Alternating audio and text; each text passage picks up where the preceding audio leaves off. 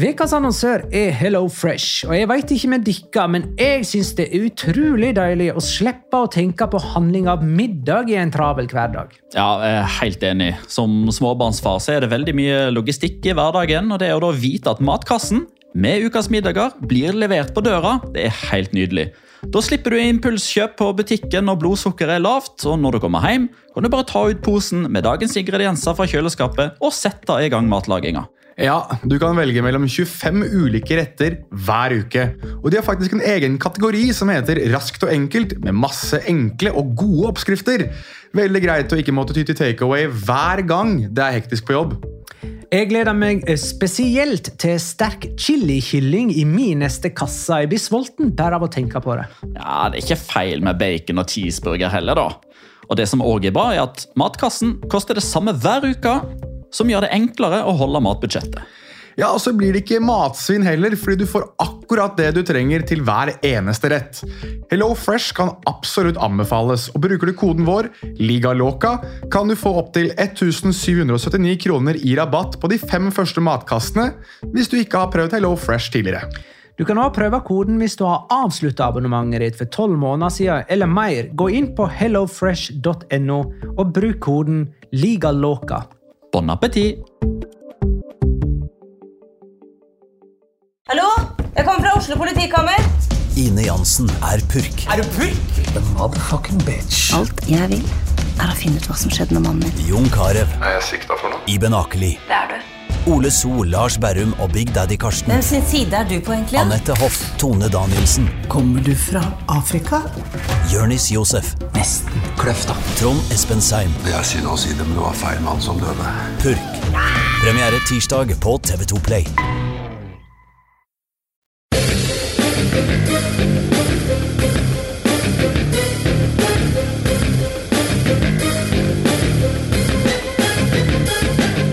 Har du sett? La Liga starta denne veka, og det er tid for tabelltips.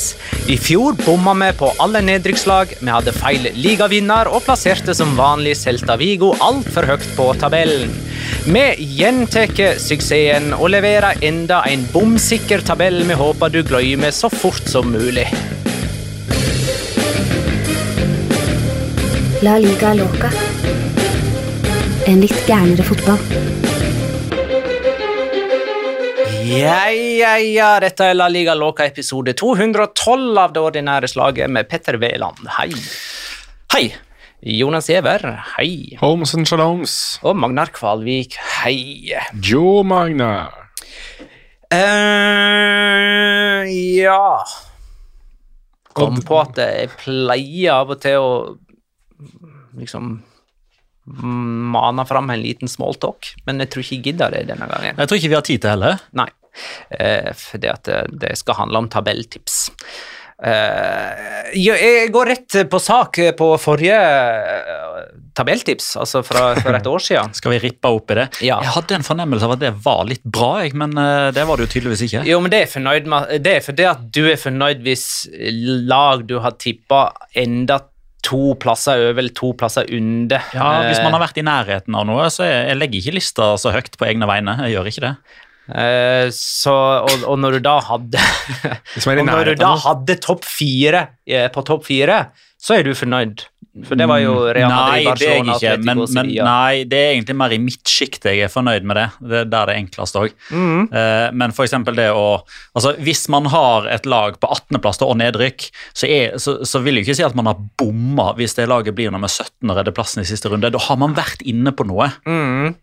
Eh, og det er der jeg òg har gitt uh, godkjent fra forrige tabelltips. Det er liksom når uh, du bommer på sånn én plassering.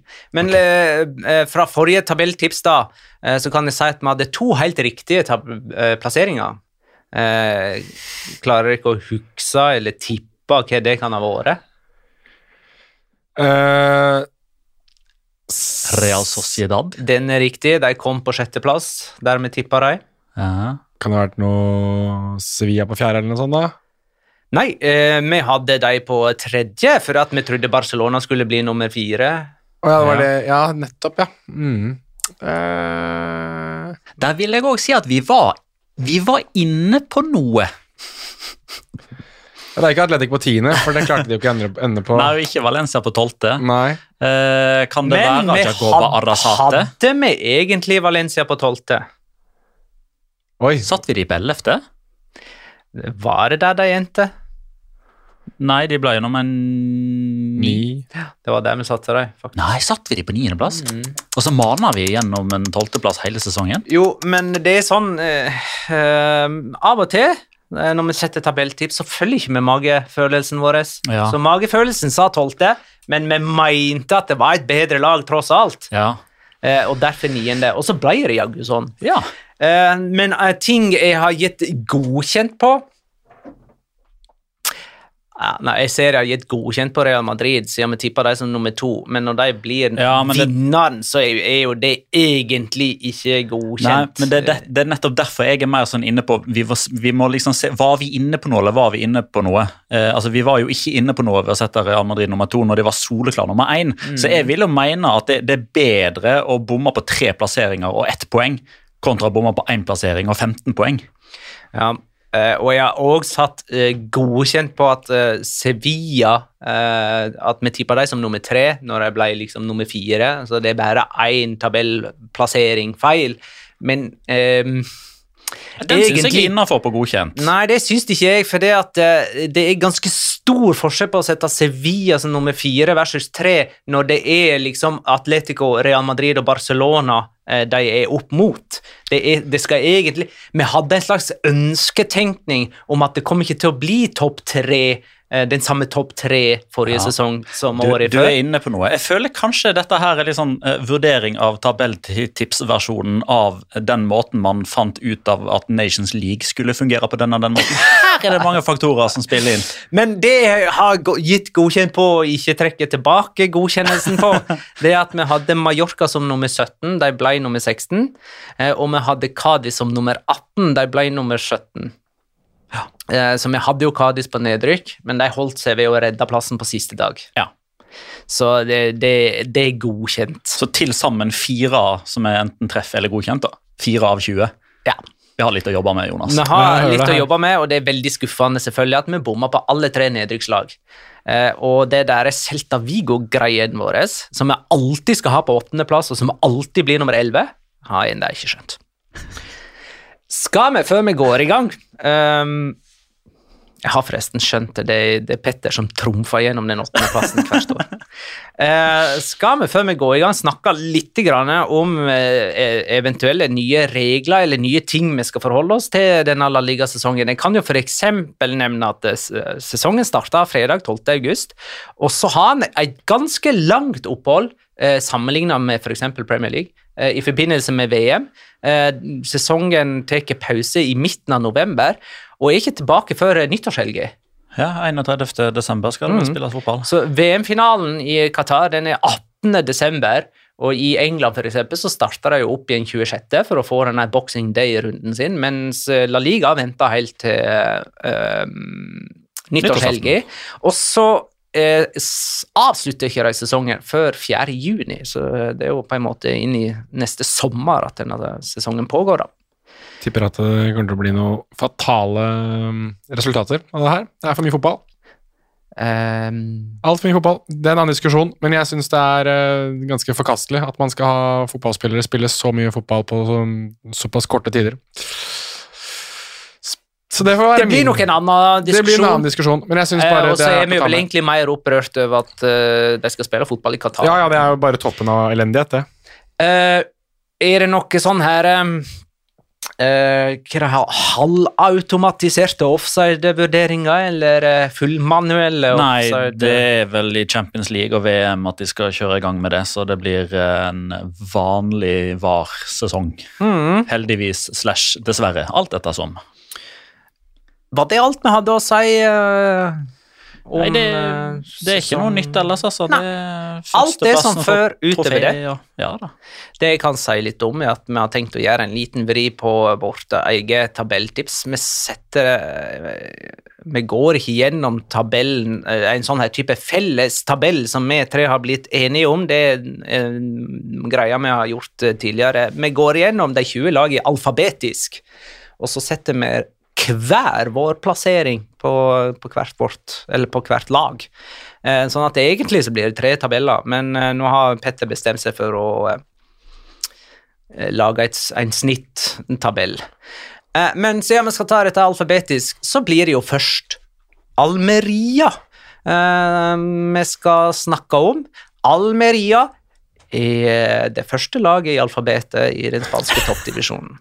De vant Segunda eh, forrige sesong, eh, men det var jo en sånn eh, dritnifs siste serierunde der, der alt kunne skje. De var vel bare ett poeng framfor lag nummer tre Eh, og det var A-poeng med lag nummer to, Valladolid, som òg rykka opp. Almeria har hatt sju sesonger nå i Segunda siden de rykka ned i 2015. De var jo nære nedrykk og til Segunda B to ganger i denne perioden.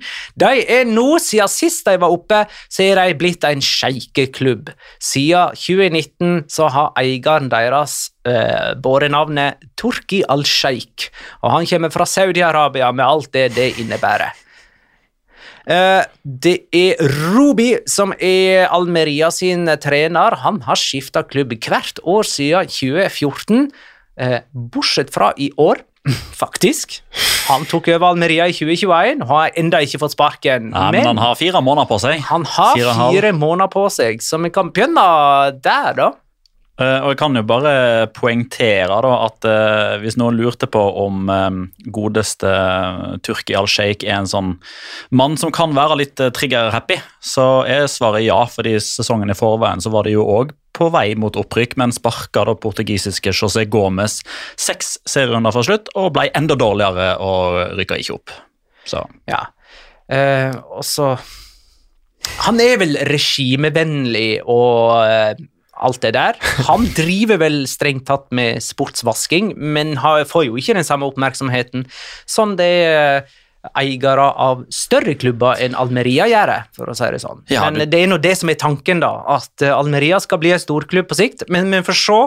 eh, eh, hvor trigger-happy han egentlig er når det gjelder spillerkjøp og den slags. Altså, han, for alt vi vet, så kan han plutselig spytte inn en hel masse penger og drite fullstendig i Financial Fair Play-reglement og slippe unna det ved å med noen krumspring. Eller så kan han godt forholde seg til regler og være nøktern. Eh, time will show.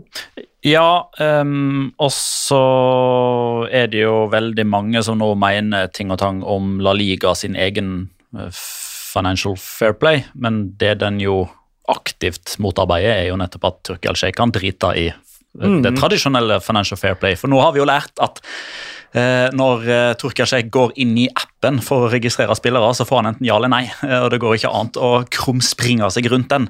Men det han uansett har gjort, er at han har annet henta Keiki fra Santos, eh, en veldig ettertrakta midtstopper, som eh, sannsynligvis kommer til å gå rett inn og forsterke et allerede ganske så bra defensivt eh, lag. De var det laget som var best bakover i sekunder forrige sesong. Eh, og de har jo i tillegg fått tilbake Nicola Maras, eh, som fikk prøvd seg litt på dette nivået i Rayo Vallecano forrige sesong. Um, ellers så har jo overgangsmarkedet deres bestått av egentlig å hente inn veldig mye ungt, som jeg rent personlig vet veldig lite om. Jeg har sett veldig litt av Keiki, jeg har lest en del om han og hørt eh, gode ord om han fra annet Andre Østgaard osv. Jeg har sett lite av Guy Gedes, Marko Milovanovic har jeg sett lite av. eh, Martin Swiderski har kanskje Jonas sett et eller annet eh, av, men jeg har ikke sett noe. Arnau Sola, Hobolang Mendes, altså de som har kommet inn der. Svært ubeskrevne blad for min del, annet enn at det blir rost opp i skyene av eh, Almerias offisielle hjemmeside. All right. Eh, og så bare sier jeg som en liten advarsel at vi kan ikke ramse opp alle spillere vi ikke har hørt om i løpet av denne episoden, for da blir han for lang. Det er greit, men dette, dette var med et poeng, da. Eh, men eh, eh, Omar Sadiq syns jeg er verdt å nevne, for han var toppskåreren deres forrige sesong med 18 mål, men ingen forventer akkurat nå at han kommer til å være Almeria-spiller, i alle fall eh, etter 2. september. Eh, For det at det er flere store klubber, eller større klubber, som er interessert eh, i han. Eh, Men vi har fått altså fra Baskien på Twitter Han har satt opp Han eller hun?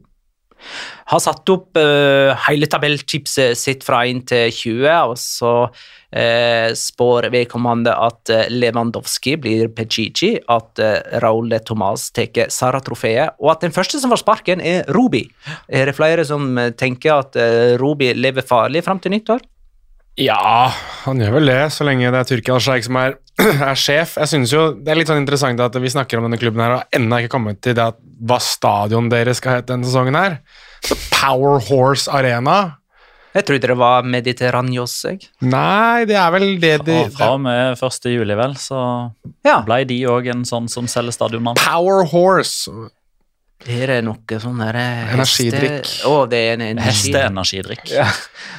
Bare til de det var et hestereis i Saudi-Arabia eller noe som Ja, heter de- Power Horse. Jeg syns bare det er greit å bare understreke dette her med, med Bare for å ha tatt det, dette her med uh, Tyrkia Al-Sheikh. Altså, de spilte jo uh, nylig en treningskamp mot Al-Hilal, blant annet. Uh, godeste Almeria, som er vel en uh, saudiarabisk klubb.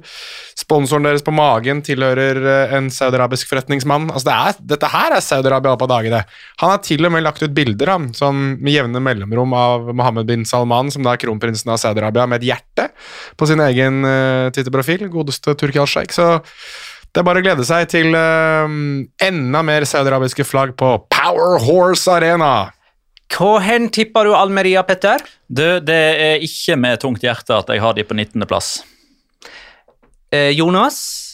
Eller skal jeg, skal, jeg, skal jeg ta min først? Du må ta din først. Jeg tipper de overlever og setter dem på 15. Kan jeg si hva jeg, altså, hva jeg tror, eller hva jeg håper? Jeg håper på 20.-plass. Det er det jeg håper på. På bakgrunn av at dette her, er, dette her begynner å bli ganske usmakelig, syns jeg. Men eh, fordi det er like greit at vi kan sende dem ned, så kan jeg godt være med på 19. jeg også.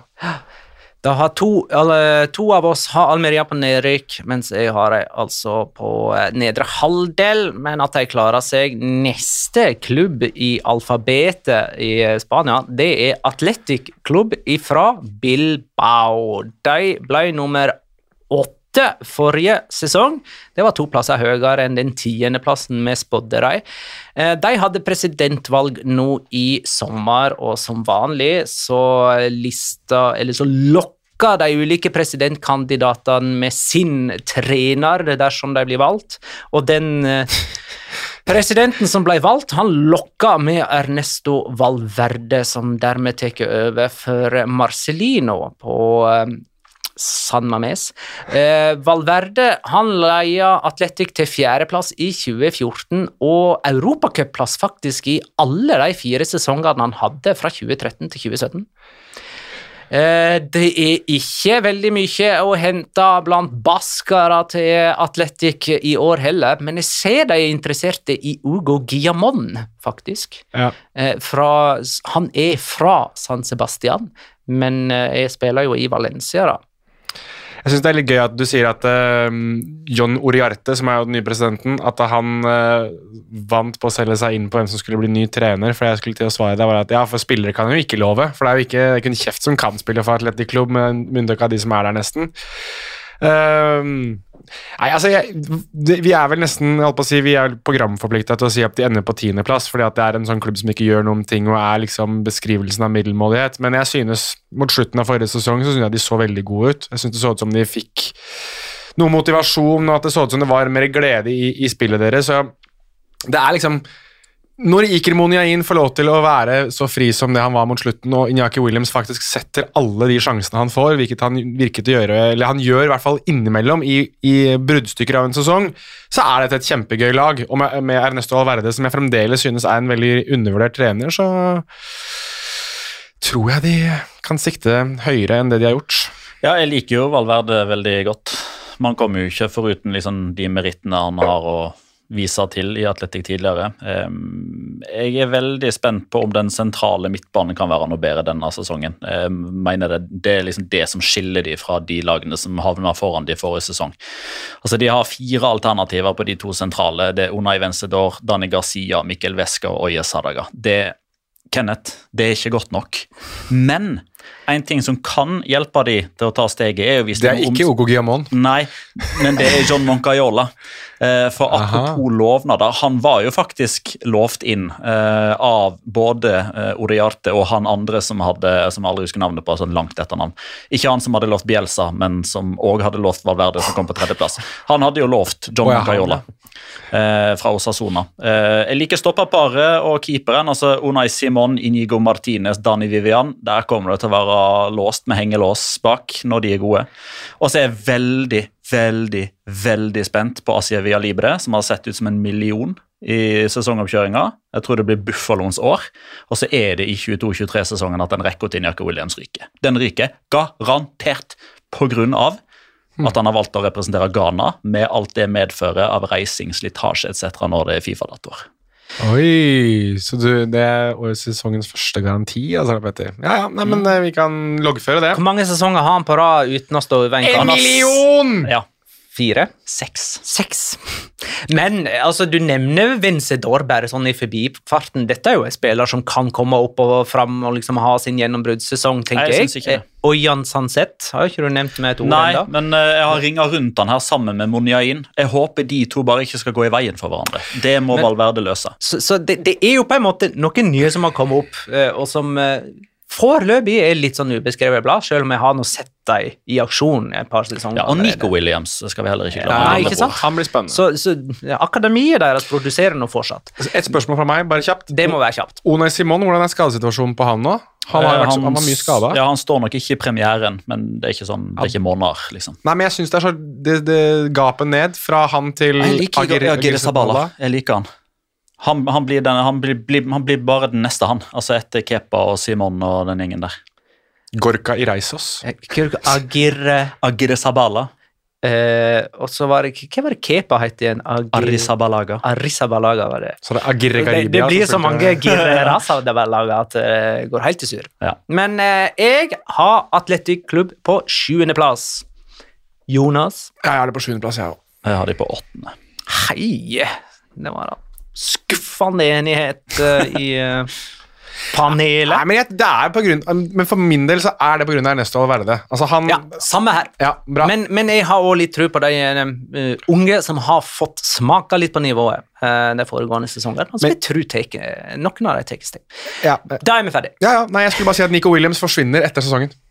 Å ja, men det gidder ikke å skrive opp. Nei, det trenger du ikke. Eh, neste lag i alfabetet i uh, den spanske toppdivisjonen er Atletico Madrid, som ble nummer tre forrige sesong.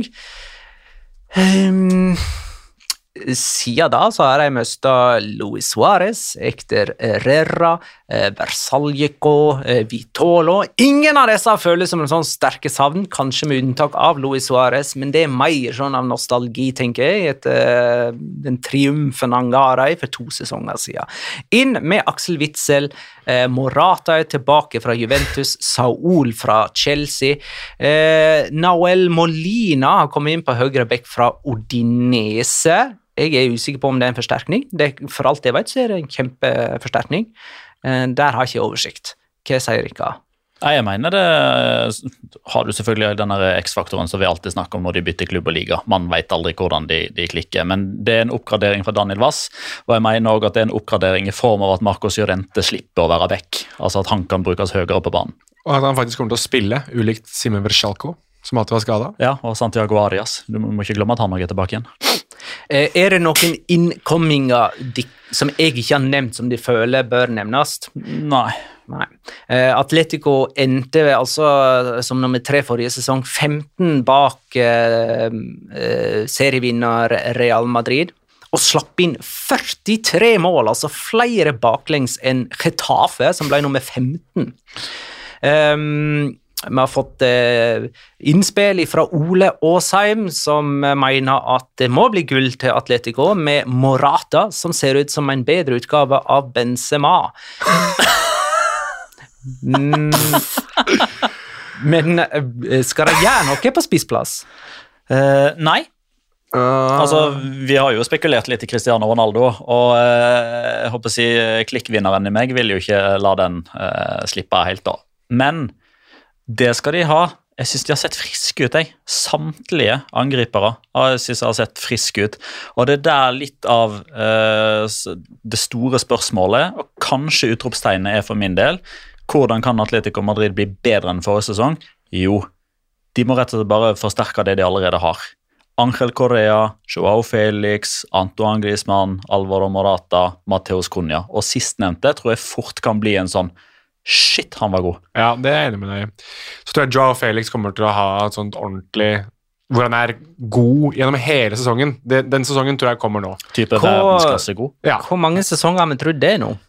Joe Nei, det er vel like ofte som vi har hatt Celta Vigo på åttendeplass. Joe Felix, har vi sagt det så ofte om han? Ja, altså, vi var jo, vi var jo Ja, vi vi har hatt store forventninger til han. vi var nysgjerrig på han da han kom, ja, for de brukte så mye penger. Men jeg, men jeg vet ikke om vi har sittet og sagt at det, dette er sesongen Jeg tror, der det virkelig jeg tror det har gått litt sånn på rundtur. At Den ene sesongen så var det jeg som trodde det, og så var det Magna som trodde det, og nå er det du som tror okay, Ok, men det kan vi godt være med på.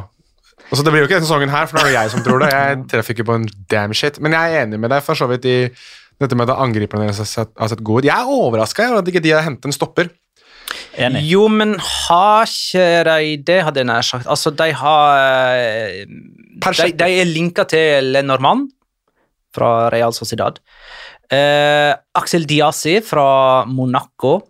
Eh, og eh, jeg så også navnet Giorgio Scalvini fra Atalanta. Han er sånn 18-årig wonder kid. Ja, og så glemte vi vel kanskje å eh, gjøre det helt i toppen der som jeg egentlig har bedt om at vi skal gjøre hvert år. At det er muligheter for å revidere kanskje ett eller Ja. to lag på bakgrunn av det som skjer i løpet av de neste åtte månedene der overgangsvinduet er åpent. Ja, men, men, ta, men vi må jo kanskje nevne at Det er én måned det er Ja, det er 22 dager. Eh, og, og man må òg ta med i eh, tabelltipsspådommen sin hvilke hvilken evne eh, man ser i klubber til å hente eh, gullet. Ja, det er jeg enig i, men man kan ikke alltid spå klubbens uh, mulighet eller evne til å beholde spillere, med tanke på at det Nei, men- eksisterer utkjøpsklausul. Jeg er enig med deg. Dette er nok den eneste sesongen jeg er mer enig med deg enn jeg er med Vanligvis så skal vi bare det, Dette her er liksom final, final decision, men 8. august er grytidlig egentlig for et sesongtips. Men selvfølgelig, sesongen starter jo, så vi må jo ta høyde for det. Men, men jeg syns også at man må ta høyde for at dette her er grytidlig.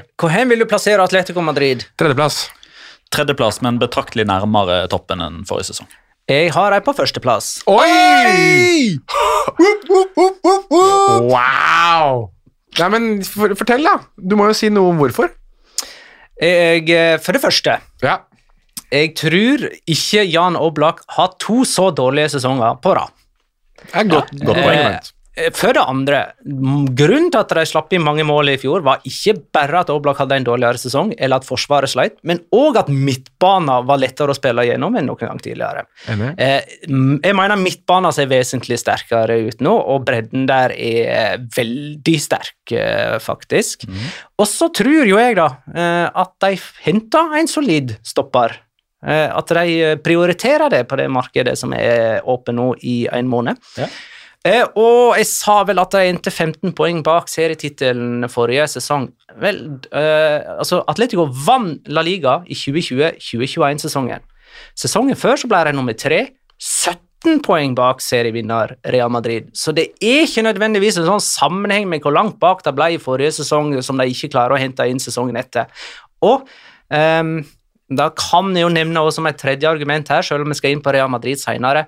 Real Madrid har ganske vanskelig for å forsvare ligatitler, eh, og eh, av en eller annen grunn så har de en sånn herre uforutsigbar evne til å dippe når du tror de er på sitt aller beste. Eh, De har ikke forsvara ligatittelen på 14 år, eh, og sist gang de vant Champions League og La Liga eh, samme sesong, så fulgte de opp med en tredjeplass i La Liga et, året etter. Selv og vant Champions League da òg, liksom. Så det der eh, uforutsette gir meg en sånn magefølelse på at nå starter Atletico med, på litt sånn bar bakke. Går tilbake til basics, vinner. Interessant. Meget Nei, interessant. nei, jeg- Så jeg skal ikke arrestere deg på noe som helst. Jeg. Nei, nei, jeg, jeg syns det er gode argumenter. Jeg er bare uenig. Barca. Da har vi 1-3-3 på Atletico, og vi er kommet til Barcelona. Her føler jeg at vi kommer til å bruke mesteparten av tiden vår. Ja, det må ikke vi. Eller Vi prøver iallfall å fatte oss i kort. Det det, det er vanskelig. Barcelona ble nummer to eh, forrige sesong. Langt ute i sesongen så var de nummer ni. Dette blir Xavi sin første fulle sesong. Når våren kommer denne sesongen her, så vil det være fire år siden sist Barcelona vant La Liga. Eh, de har vært troféløse i to av sine tre siste sesonger, inkludert eh, forrige. De har kvitta seg med Longley, Ricky Pudge, Adama Traoré, Luke de Jong, Dani Alves og flere kommer til på den eh, lista. De har forsterka med Lewandowski, Kessie, Christensen, Rafinha Ikke PSG Rafinha, men Leeds Rafinha. Jules Condé. Per nå så vet vi ikke om de kan spille første serierunde eller andre eller tredje eller noen serierunde som helst. Uh, jeg kan jo ta det spørsmålet uh, fra David Sørhaug. Er det en reell fare for at Barcelona ikke får registrert spillerne de har signert? Ja. Nei. Jo da, det er en reell fare for det, men Det- de kommer nei, men- til å unngå den. Men, det, men det, det er ordlyden som er viktig her, og det har jeg latt meg irritere over blant øh, egentlig ganske mye når det gjelder videreformidling fra spansk til engelsk og videre til norsk i denne Barcelona-sommeren her. For det, nei, hør nå, for det Colin Miller skrev, og det han mente, det er sikkert nøyaktig det han har ønska at folk skal oppfatte det som òg. Fordi han skriver det på en sånn måte som gjør at det virker som at Barcelona ikke klarer å registrere noen av dem. Han skriver de får ikke registrert de fem nye signeringene. Det er helt riktig at de får ikke signert alle fem på samme tid, eller registrert, men det er null problem å få registrert to til første runde, tre til andre serierunde, alt etter hvor behovene er størst, og hva Ja. Xavi ønsker. Null problem. Det som det er snakk om, er at de klarer ikke absolutt alle, sannsynligvis innen første serierunde. Nei, det er Og de er jo, sign altså, de er jo signert innenfor eh, overgangsvinduet, sånn at eh, registreringen den kan skje etter at overgangsvinduet var stengt. Nei, det må det La Liga lukke signeringen Lukke registreringen. Ja, Så, så de må Fristen er 2. registrere september. De må registrere innen 2. september. ja, Ellers så spiller de ikke. Men det som eh, Bare for å ta det poenget der Det som det også spekuleres i, er jo hvordan det vil Det du sier, er jo den positive versjonen. Det Chavi trenger. Det gir mening at den, de spillerne kommer da, og de spillerne kommer da. Det som er baksiden av dette, er at mange sier at ja, men da er det jo en form for forskjellsbehandling. At noen spillere føler seg viktigere enn andre. Så kan man jo godt sitte og si at det, det er jo da Chavi og Matheo Alemann og Jordi Cruyff og John Laporta sin oppgave å sette seg ned med disse og si at hør nå her, dere skal med, dere òg, men vi trenger disse spillerne her fordi at vi har andre spillere i f.eks. Kessie. da. Vi vil kanskje tenke at Pedri, Pedri og Gavi, Sergio Busquets, Nico f.eks. Det er ikke så nødvendig at du er klar til første serierunde, men kanskje andre eller tredje. Ja, og tilsvarende for eksempel da med Andreas Christensen, som ikke spilte Johan Gamper fordi han ikke var 100% Da har man òg liksom den anledninga å si at du var ikke du var, altså, Sorry, du trakk det eh, Korteste strået. korteste strået. Du var ikke med i oppkjøringas siste kamp. Eh, Da kjørte vi den og den. Vi ønsker å fortsette med det, og vi har god backup på på, eh, på benken. Og så vil det jo være sånn at For hver spiller som forsvinner ut, så øker sjansen for at de også kan registrere ytterligere. Dvs. Det vil si at Neto, som er ute nå, eh, forsvant i går. Eh, det kommer til å forsvinne to-tre spillere til. Og, og Barcelona er nå såpass over kneika at de er ikke lenger ramma denne 1-4. Altså det er alt ut kan de bruke på, på, på nytt inn. Um, så, men jeg, altså jeg forstår sensasjonsjaget. Det var bare et lite hjertesukk på litt sånn lost in translation og uh, tolking i verste mening. Henrik skriver hvem blir toppskårer i årets sesong. Det må vel kun stå mellom de to kanskje mest rutinerte spissene i verden akkurat nå. Med det tenker jeg han tenker på Lewandowski og Benzema.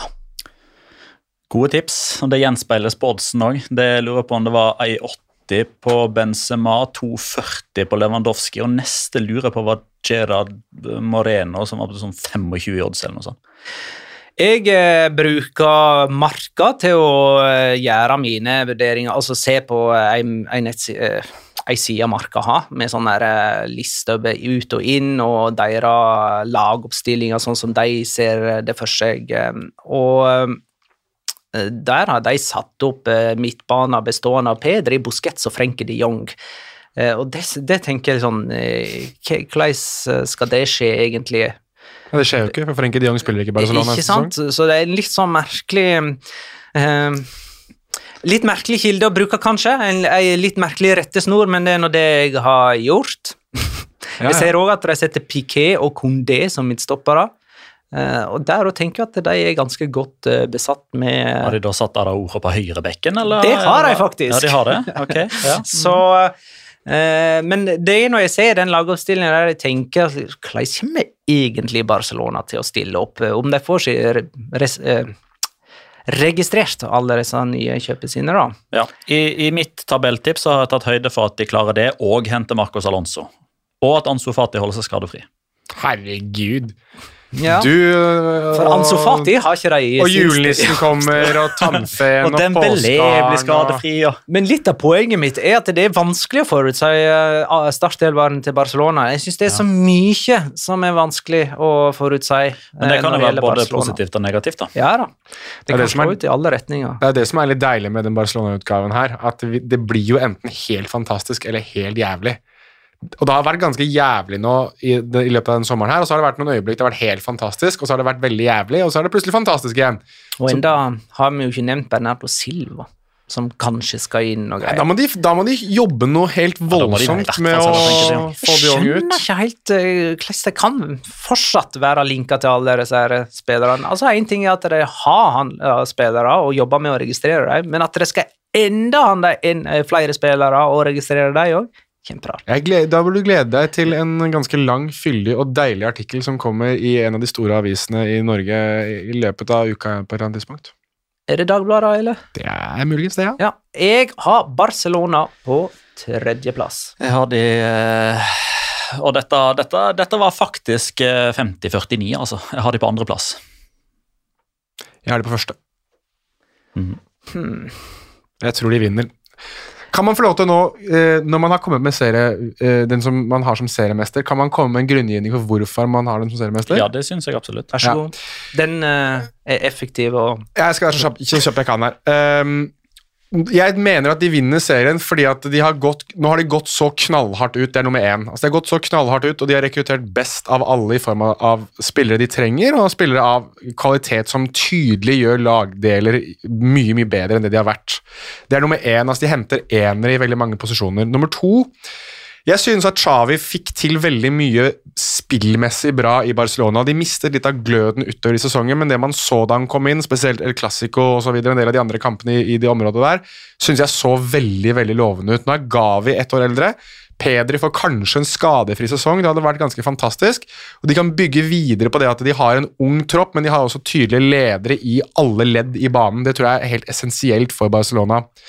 Og nummer tre, og det er bare litt sånn feelinga jeg har, de må vinne. Altså, Det er kanskje det eneste laget som virkelig bare må vinne denne sesongen. De må sitte igjen med trofé, og jeg tror det trofeet blir eh, La Liga-trofeet. Jeg tror ikke de vinner Champions League, men jeg tror de går ganske langt der òg. Rett og slett fordi at det er noe de må, og det tror jeg de, de klarer. Litt også fordi at det er noe med Joan Laporta. Men ja, da kan du jo legge, legge til sultne, da. De er Ja. på suksess. Ja. Så på en måte så må jo Real Madrid jobbe med den sulten etter den mettende sesongen de hadde, mens det trenger ikke du med Barcelona. Det er helt riktig. Så jeg, jeg tror de ehm, tror de stikker av med seriegullet. Men jeg tror ikke jeg vet ikke om vi skal inn på det etterpå, men jeg tror ikke Robert Lewandowski blir toppskårer. Nei. Benzema, da? Nei. Nei, da kommer den seinere, da. Uh, ja, den kommer enten Ja, vi kan ta det etterpå. Vi kan ta det på. Eh, vi fjerna Real ifra Betis, sånn at Betis eh, kommer som neste klubb i alfabetet. Oi, nå ble hele verden min fucka opp. Petter gjør det. Nå Altså. må jeg drive og leite i arkene mine her. Petter har faktisk skrevet det på Det er klassisk. Litt sånn gammeldags penn og papir og sånn. Nå må jeg endre det. Nei, vi må ha Kadis nå. Greit, men da får du minne meg på Real Betis, for jeg kommer til å glemme det. Ja, ja. Greit, da er det Hvis ikke måtte jeg ha formatert Excel-arket mitt på nytt. Eh, så, av betydning eh, så har de henta inn Saldoa fra Real Sociedad. Eh, Cádiz tar fatt på sin eh, tredje strake sesong i La Liga. Den vanskelige tredje sesongen. De kom altså på eh, 17.-plass forrige sesong etter å ha tre seire på heimebane. Eh, trener Sergio erstatta karismatiske Servera i løpet av eh, forrige sesong, og klarte altså å berge plassen uh, i siste serierunde. De må vel ha La Ligas eldste spissduo i form av Alvaro Negredo, som er 36, og Lucas Perez på 33. Hva tror vi om Cádiz? Ja, du ser på meg. Nei, jeg, er- jeg er pessimistisk. Eh, og jeg begynner å bli litt lei, egentlig. Kan du ikke bare si, bare si det rett ut, Petter, fra levra? De er drittkjedelige, liksom. Ja, de er det. Eh, Draktene deres er kjedelige. Troppen deres er kjedelig. Ja. Treneren deres er kjedelig. jeg er ikke blant de som bryr meg så veldig mye om drakter og Nei, sånt. men det jeg gir et gjennomført at bilde. Sånn Ja, som ja. Alaves. Dritt. Få det bort. Det er denne sesongens uh, Alaves. Um, altså, jeg kan sette pris på å se Pacha Espino løpe opp og ned den venstre siden. Men det kan du gjøre for et annet lag. Ja. Sesongen 23-24. Ja, Få dem bort. ja. Um, jeg tenker at vi bare skal være litt sånn Det som var litt sjarmerende med Kadis i den første sesongen, var jo at de tok poeng fra de store. Og så fortsatte de med det forrige sesong, og, men det var ikke det sjarmerende lenger. for nå har de blitt vant til det. Så nå er det ingenting sjarmerende igjen. Så jeg, jeg, Trenger vi å snakke så mye om det? Jeg har de på 20.-plass. Jeg har dem òg på 20.-plass. Alle tre Få har det bort! Cádiz på 20. Men uh, vi må huske å reise ned dit før de forsvinner, da, for Ja, da tror jeg de forsvinner for godt. Det er jeg med på. Det kan ikke være noe tvil om at Celta Vigo er neste på den alfabetiske lista. Nei, det er helt riktig. Eh, De endte på 11.-plass forrige sesong. Vi tippa dem på 8. Gjennom sesongen var de aldri bedre enn nummer ni, og det tror jeg var bare i én runde at de var helt der oppe. Eh, De mista snart Dennis Suárez. Um, har de noen andre vesentlige ut? Santimina. Santimina, i den grad Ja. han, altså, han var jo ute på slutten av forrige sesong. Han men, den, men eh, jeg skal gi dere eh, Han er ute fordi han sitter inne, er det det du prøver å si? Ja, ikke sant? Eh, Men eh, det kom en su nå. I den grad det forandrer tabelltipset deres noe, så, så skal dere få vite det. Carles Perez er leid inn fra Ja, men- Roma. Men den, men den er sexy. Den liker Ja, jeg veldig det- godt. ja, ja. Tidligere Barcelona-angriperen. Ja. Eh, Ja, eh, de mista snart Dennis Suárez. De har fått inn eh, Svedberg fra Sverige, selvfølgelig. Swedberg. 18-årig offensivspiller som høster høsta masse gjetord. Eh, Oscar Rodriguez har de òg henta fra Sevilla, men med mindre han skåra på frispark, så skåra han ikke. Eh, han har en god skuddfot, men det er vel det. Eh, og så finner jeg ikke så mye mer å, hente om de. Jeg ser eh, de blir linka til Paco Alcácer, som de fleste mellomstore klubber blir. Ja, og faktisk Breathwaite. Ja, men i og med at de nå henter Carles Perez Ja. og Gonzalo Paciencia, så, Så så, har de liksom hatt de har fått inn de to spissene. Ja. Der det ser svært nakent ut, derimot, er jo på sidene offensivt. Altså høyrekant, venstrekant. Der syns jeg det er veldig, veldig, veldig eh, tomt. Jeg- og jeg Brais nevnte- Mendes Han er jo borte. Breis Mendes er vekk. Eh, jeg syns det er svakheter på høyrebekken. Aldri blitt eh, spesielt bergtatt av Kevin Vaskes. Ugo Mayo, eh, han eh, Vasques. Eh, Men eh, altså, Ogo Mayo har jo vært klubbkaptein der nå siden 1812 cirka. Han han er ferdig, bortimot. Eh, aldri blitt spesielt solgt av Unai Núñez i, atle, i Atletic. Husker vi satt jo her og lo når han ble linka til Western for 30 millioner euro. Ja, han er kommet inn i midtforsvaret. Ja. Oskar Mingesa har, altså, ser jo selvfølgelig at det er noe der. Jeg skal ikke saga han, liksom. Men um, Aspas De har jo fortsatt Aspas, da. Han skåra fire mål han i den siste treningskampen mot Al-Shabaab. Som for øvrig ser ut til å bli sant i Mina sin nye klubb. Så hva gjør man hvis man er blitt dømt for ting i Spania? Da signerer man for Al-Shabaab. Ja, Du kan signere for klubber der nede hvis du har dømt for andre ting. er det i. Saudi-Arabia, eller?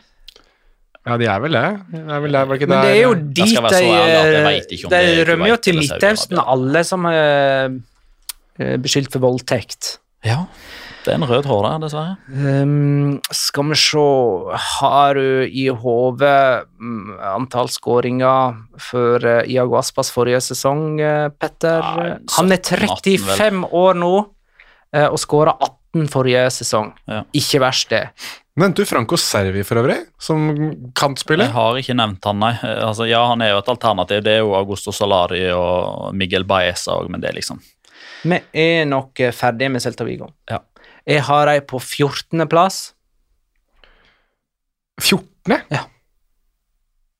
Ja vel? Hvorfor så langt ned? Eh, tre plasser ned fra i fjor. Eh, skal de være så mye bedre? Jeg er veldig Jeg syns de har forsterket seg veldig. Jeg syns de ser kjempespennende ut. Å ja. Nei, ja. Så hva hender du, da? Niende. Ja. Da er det faktisk ikke jeg som har de øverst denne gangen. Jeg har de på en ellevteplass. Nedre halvdel. Ja, Det er samme, første gangen, tror jeg. samme som i fjor. Mm. Eller Men- forrige sesong. Jeg syns jo det er litt gøy at de har fått inn Agustin Marchesin, da, som har vært en sånn eh, Mexico-legende, han keeperen. Uh, jeg tror at de Jeg tror, jeg tror Kodett får sparken i november. Oi, helvete! helvete! hadde det på niende. Ja, ja, det på niene Ok. Neste i alfabetet etter Celta Vigo Nå bare snakker jeg mens jeg leter fram her. Det er Elche. Det er Elche. Eh, De, eh, de plukka opp eh, nedrykksspillere fra forrige sesong, nærmere bestemt fra Levante. Carlos Clerc og Roger Marti har kommet inn derifra. De har fremdeles Lucas Boyer og Peremia, som jo seg imellom skåra en del mål forrige sesong for Elche, men spørsmålet er om de er der når vi er kommet godt inn i september, da. De skåra ikke sånn kjempemye for øvrig. Lucas Boye 7 og Peremia 8, så det var ingen i Elche som hadde tosifra. De ble nummer 13 forrige sesong, det er ikke så verst. Eh, Jeg tror vi tippa de helt sist, Eh, så det er kanskje en av våre groveste bommer. Mm. Og dette var et av de lagene jeg var mest usikker på. Eh, og det kan dere jo faktisk bare bevitne her, at jeg har en tabellplassering der, og så har jeg strøket ut den jeg tenkte på først. Og det var for Etter hvert som at jeg gikk gjennom laget, så tenkte jeg ja, men her er det jo faktisk mange gode spillere. Eh, og så har jeg òg, eh, håper jeg, på mitt eget tabelltips vegne et håp om at Baganic klarer å lokke noen sexy argentinere denne gangen. Eh, mot slutten av vinduet. Og det jeg skulle si, at eh, det, dette er nok den klubben der liksom vi må ta størst høyde for dette med overgangsvinduet. For det er 23.30, og så er det fire kommunikale offisiales på ulike argentinere som har signert for Elcha. altså. Javier Pastore og sånne gamle travere som ja, Sekkel Ponce har blitt henta permanent nå. Men jeg, jeg liker bekkene deres. Altså, Heia Colombia, altså. Hallibalton, eh, Palacios og Johan Morica. Det, Ja. jeg synes der, der ligger det en eh, 12-13-14 mål i målgivende altså, på Så de lenge, to. så lenge de holder på Johan Mojica, da. Ja, Det håper jeg Jeg på kobler mitt eget tabelltips. kobler til Atletico. Madrid og Sevilla, for så vidt. Bare for å ha nevnt det. Jeg har Elche på 19.-plass. Jeg har de på 13. Jeg hadde egentlig tenkt å ha de på 18., men så ble det 13. til slutt. Wow! Ja. Ja vel, det var, det var såpass, ja. Nei, eh, jeg har de på 14. Jeg tror de blir safe, men jeg veit liksom ikke helt hvor safe. Men det kan være at de hopper opp noen tabellplasseringer mot slutten av sesongen. Neste i alfabetet må nesten være Espanjol. Espanjol. Sjøl om det er en Det er jo en eh, real eh, klubb Deportivo Espanjol, men eh, vi har den på E, sant, Petter? Vi har dem de på E. Ja, den er god. Ehm, skal vi se Espanjol ble nummer 14 forrige sesong, eh, og da som nyopprykka klubb. Det var ikke godt nok. Vicente Moreno ble avskjediga. Eh, kanskje ikke bare av sportslige årsaker. Eh, Diego Martinez, det unge, lovende trenertalentet, har kommet inn. Eh, og eh, skal følge opp den suksessen han hadde med Granada da, for noen sesonger tilbake. Han tok jo de opp i La Liga og helt opp til europacupplasseringa. Eh, Men eh, her er det vel sånn at mye av våre tips avhenger av hvorvidt Raúl de Tomàs faktisk blir værende. Og jeg hadde et spørsmål her ifra Danitello. Er ikke han litt sånn espanjol? Han er espanjol og en særdeles god patrion. Ja. Har Espanjol noen nye planer på spissplass om Raúl de Tomàs reiser? Eller er det Joselo, som de henta fra Alaves, eh, som skal skyte eller hedde kanskje Espanjol til Europa? Altså, Jeg tror jo de eh, gikk inn i sommeren eh, og følte at de egentlig var ganske sånn maktesløse med tanke på å beholde R.D.T. Uh, og at det egentlig De skulle bare ha erstatteren klar uh, idet det kom en kommunikado offisiell om at de hadde solgt uh, Raúl de Tomàs. Men han er der nå fortsatt, da. Og jeg har en feeling på at det kommer han til å være når, eh, når det blir 2. september der òg. Det er litt sånn smådårlig stemning nå. Han, han har ikke trent for fullt med laget ennå. Deltatt svært lite i sesongoppkjøringa. Nesten ikke spilt i treningskampene om han har fått noen minutter i det hele tatt. Eh, Men Joselo har sett bra ut. eh, så Skulle da Ole Thomas bli solgt, så er jo det for minst 30-35. Jeg syns de kunne ha krevd enda litt mer. Men da kommer det Pesetas inn, eh, og da forventer jeg òg at en klubb som er spanjol, som, som scorer ganske høyt på de tingene som gjør at de får en, en ganske stor andel av TV-avtalen, og som gjør at eh, deres økonomi er bedre enn hva tabellplasseringa tilsier. Altså hvis du, hvis du tar sportslige meritter, og så tar du det opp mot klubbstørrelse, så er det en, en ganske stor jeg håper jeg skilnad der, i egentlig negativ forstand, for de presterer jo dårligere enn hva de bør, men Ja, ja. har en stor stadion, kommer fra Barcelona eh, etc. Cornea. Eh, hei, Gerard. Hyggelig at du kom innom og slang dritt om Espanjol. Men jeg er litt uh, positiv, og det er én mann som har Diego æren for det.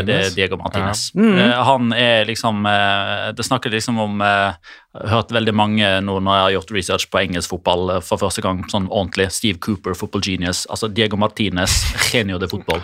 Han er den spanske versjonen. Jeg er spent på, på han og hva han kan få til. Dette er vel den største klubben han har hatt. Ja. Så hva plasserer du deg henne, Jonas? Jeg bare får sagt det at jeg tror Radio Thomas er sånn som forsvinner mot slutten av overgangsvinduet når alle andre spiss altså, sånn- Jeg kan foreslå Manchester United, sånn som nå ser på Marko Arnautovic, kunne ha sett på Raúl Thomas. Men Ja, herregud, tenk deg da. Hvis de kjøper Arnautovic, da har ikke de speida Ja, men ja, som spiss, da. Da har ikke de speida markedet særlig. Nei, da mener jeg hvis du, hvis du seriøst henter Marko Arnautovic når du kan f.eks. få tak i Raúl Thomas, da, som ville kostet ja, litt mer, da burde du strengt tatt bare si opp jobben din og aldri jobbe med fotball noen gang igjen. Det mener jeg oppriktig. Men eh, for å ta det du egentlig spurte om eh, eh, Voley, er han på vei vekk nå? For, ja. for han har ikke noe draktnummer, ingenting, han? Veldig Nei, han skal trist. til Kina. Men det kan ikke være avgjørende. Nei, det er ikke det. Jeg, jeg, bare, jeg bare så at han ikke hadde draktnummer lenger, og da var jeg sånn det er jo, Han er jo en liten attraksjon, da. Men eh, eh, jeg har det på tiendeplass. Ja, jeg har det på niende. Det har jeg òg. Så uh, litt stusslig enighet der òg, altså. Ja, men jeg tror, jeg tror Español skal ha en sesong med litt sånn Vi skal stabilisere skipet litt og komme litt inn i Diego Martinez sin, eh, sin spillestil, og så tror jeg de kan være en sånn klubb som utfordrer for en av europaplassene da- neste sesong. Ja, men da er dette faktisk en klubb med, med, med forskyver ganske mange plasser fra der de endte eh, forrige sesong. Og det er jo litt positivt at vi, vi drar litt i tauene da. Eh, Getafe må bli neste i alfabetet. Det ble Ja, ikke hva noe Gareth Bale, da. deg da, Jo? Nei, det, ble ikke noe, det ble ikke noe Gareth Bale på dem, da. men de signerte fra Real Madrid for det. Altså Borja Majoral er jo kommet på permanentavtale nå, så um, Husker ikke da de drev og herja i Europaligaen og vi tenkte og sa at eh, Gene Dakonam blir ikke værende der lenge? Han er der fortsatt. I, der fortsatt han! Jo, men der òg er det en sportsdirektør eller to i England som må gå litt i seg sjøl altså, for at de ikke har uh, henta han. ja, det er jeg enig med deg. Men nå har han jo på en måte mista sin mojo. Ja, Han er jo ikke der lenger. gammel er han egentlig? Han er vel uh, Er han 30 blitt? 31? ja 28-29, kanskje. Tipper han 92 han det, da? en, Jeg tror han er 91. 93. Ja, anyways, det kan vi sjekke. Uansett, Men, eh, han blir, ikke yngre. De tok jo noe et eh, trenerskifte forrige sesong. Kikke Sanchez Flores kom og løfta dem vesentlig etter den miserable innledningen de hadde. Han er født på nyttårsaften i 91. Ha, så jeg hadde begge så å si riktig. Og er ikke Kikki Sanchez Flores en midt på, tre på laget Midt på tabellen-trener eh, med et midt på tabellen-lag? Han, ta, han er sånn som tar lag litt sånn hit, men ikke lenger. Og det pleier som regel med sånne klubber som Getafe, så er det på midten av tabellen og ikke stort lenger. Så jeg er enig med deg der, men han, jeg tror ikke det blir som Jeg tror ikke det blir Åh, må jeg ordlegge meg riktig her. Altså, de, de kommer ikke til å flørte med nedrykk, da, for å si det sånn. Jeg tror det blir en, en ganske komfortabel sesong for alle som drar på Coliseum Afonso Perez. Uh, men jeg liker signeringen deres. Ja, jeg fikk faktisk litt vann i munnen av å se den potensielle offensive trioen eh, Borja Majoral, Enes Onal og Portu, som de henta fra Real Sociedad. Du er jo Enes Onals største fanboy. Jeg ble det forrige sesong, Mm. faktisk. Ja, men jeg syns det er kult. Jeg, jeg er stor fan av Enes Onal selv. Ja, og så er det jo på, det, er- på en måte så er det en ny trio. Altså Porto er jo helt ny, men Majoral var der jo forrige sesong på vårparten der, og de to skåra jevnt og trutt, utfylte hverandre bra. Vet du hva jeg kommer på nå? Nei. At eh, den spilleren Magna Kvalvik er mest fanboy over, og den spilleren du tidvis har vært mest fanboy over, er nå på samme lag. Luis Mia har jo også signert for uh, Getafe, og du hadde jo softspot for han. Ja. Så dette her er eh, Fanboys United. Eh, jeg, liker, jeg liker bare Getafe fordi at de en gang i tiden lagde en pornofilm for å avle fram flere supportere. Ja. Så tydeligvis så er det, dette her er vår, vårt lag. Hvor hen plasserer du dem, Petter? Eh, jeg har dem på tiendeplass. Jeg har dem på ellevteplass, og Jonas Ja, vi, ja, nå har jeg jo både 9. og 10. Eh, da blir det nok en 11. plass fra meg òg, altså. Det gjør det. Da er vi kommet til eh, Skal vi se her Det andre nyopprykka laget, nemlig Girona fra Catalonia. De kom opp via playoff, ble nummer seks i Segunda. De hadde to sesonger i Primera Divisjon. Det var deres to første sesonger eh, gjennom historien eh, på det øverste nivået, fra 2017 til 2019. Eh, og ja, den gang under Pablo Machin. Nå er det Michel som trener de. Han rykka opp både med Rayo og Uesca og fikk sparken i løpet av eh, den påfølgende sesongen i Primera, der laget hans til slutt rykka ned igjen. Skal den skjebnen endres i Girona? Ja, jeg, uh, dette er noe beviset på om styrmann hører episoden. Uh, fordi jeg forventer at når denne episoden går ut, og han har hørt den, så svarer han på tweeten vår med hashtag 'har Mitchell fått sparken ennå'. Ja, men det, det er det er faktisk ikke en han. Mitchell. Jeg vet det, men, det er, men vi, altså, nå må vi, vi må holde noen tradisjoner ved like. Altså, Har Mitchell fått sparken ennå? Men, men det var bra du nevnte det, for uh, da tenker du altså på den Mitchell som en gang i tiden trente Sevilla, og ikke minst da Malaga, der vi bare satt og venta på at han skulle få sparken. Ja. Men dette er da den Michelen som er en slags opprykksekspert, Ja. men ikke klarer å holde laget oppe. Stemmer det?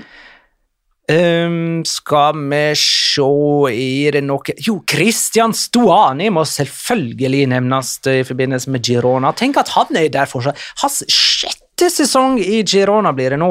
Han skåra 40 mål på to sesonger i Primera, eh, og hadde jo 24 Ja, altså 40 mål på to sesonger i Primera-divisjon. Ja, ja. Han skåra 19 den ene og 21 den andre sesongen i primæra, Og så skåra han 24 der de rykka opp igjen forrige sesong.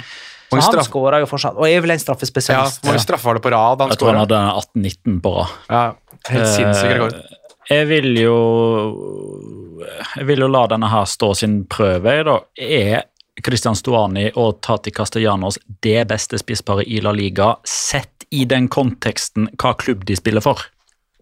Hva pokker er Tati Castellanos for noe? Det er spissmakeren til Christian Stuani, som eh,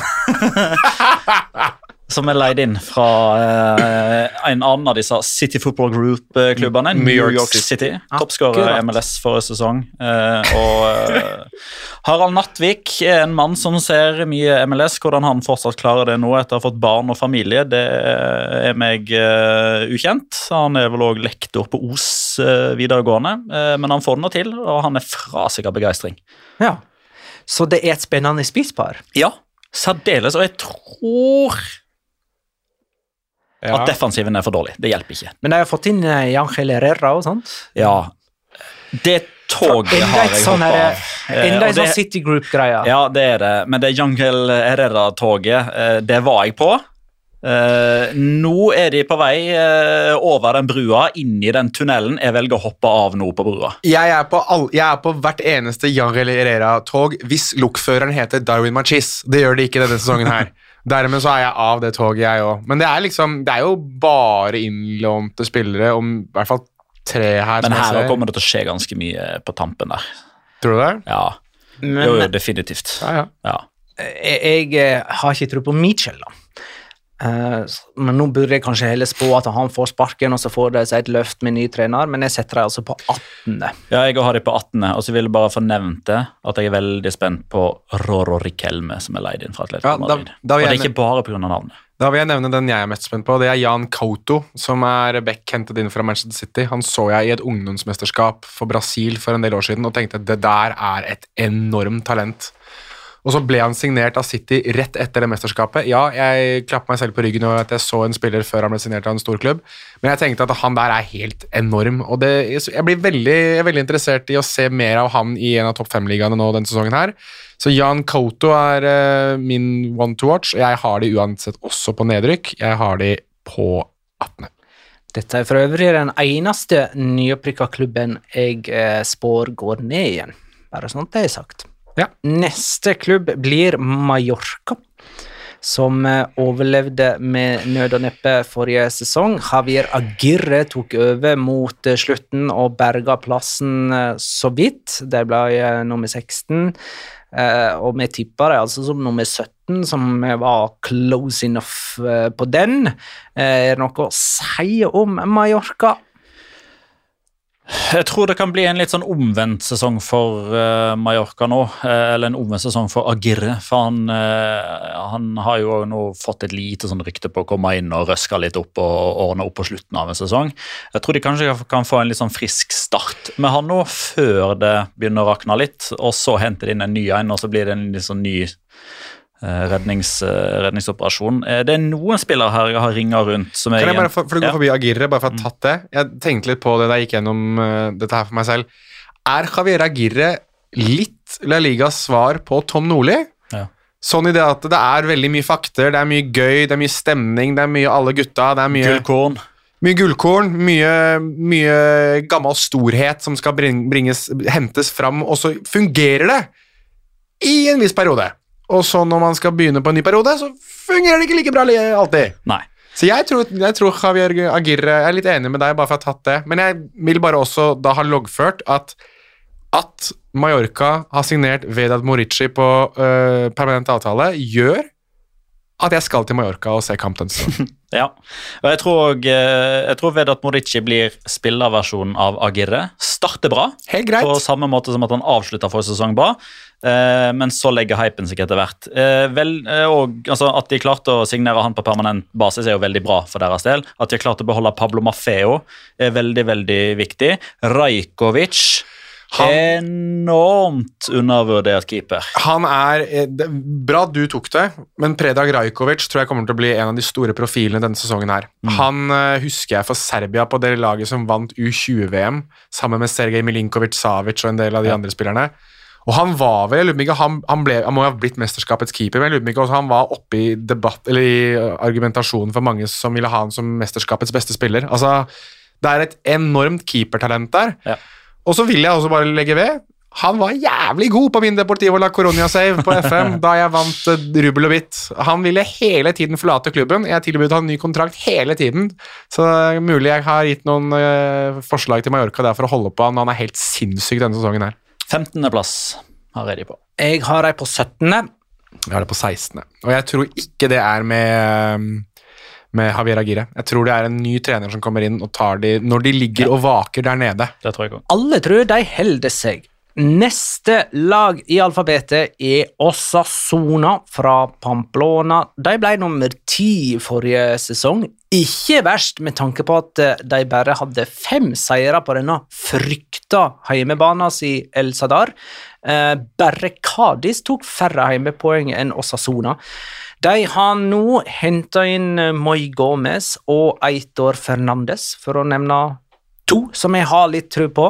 Eitor Fernandes tenker jeg, er en vesentlig bedre keeper enn eh, Sergio Herrera.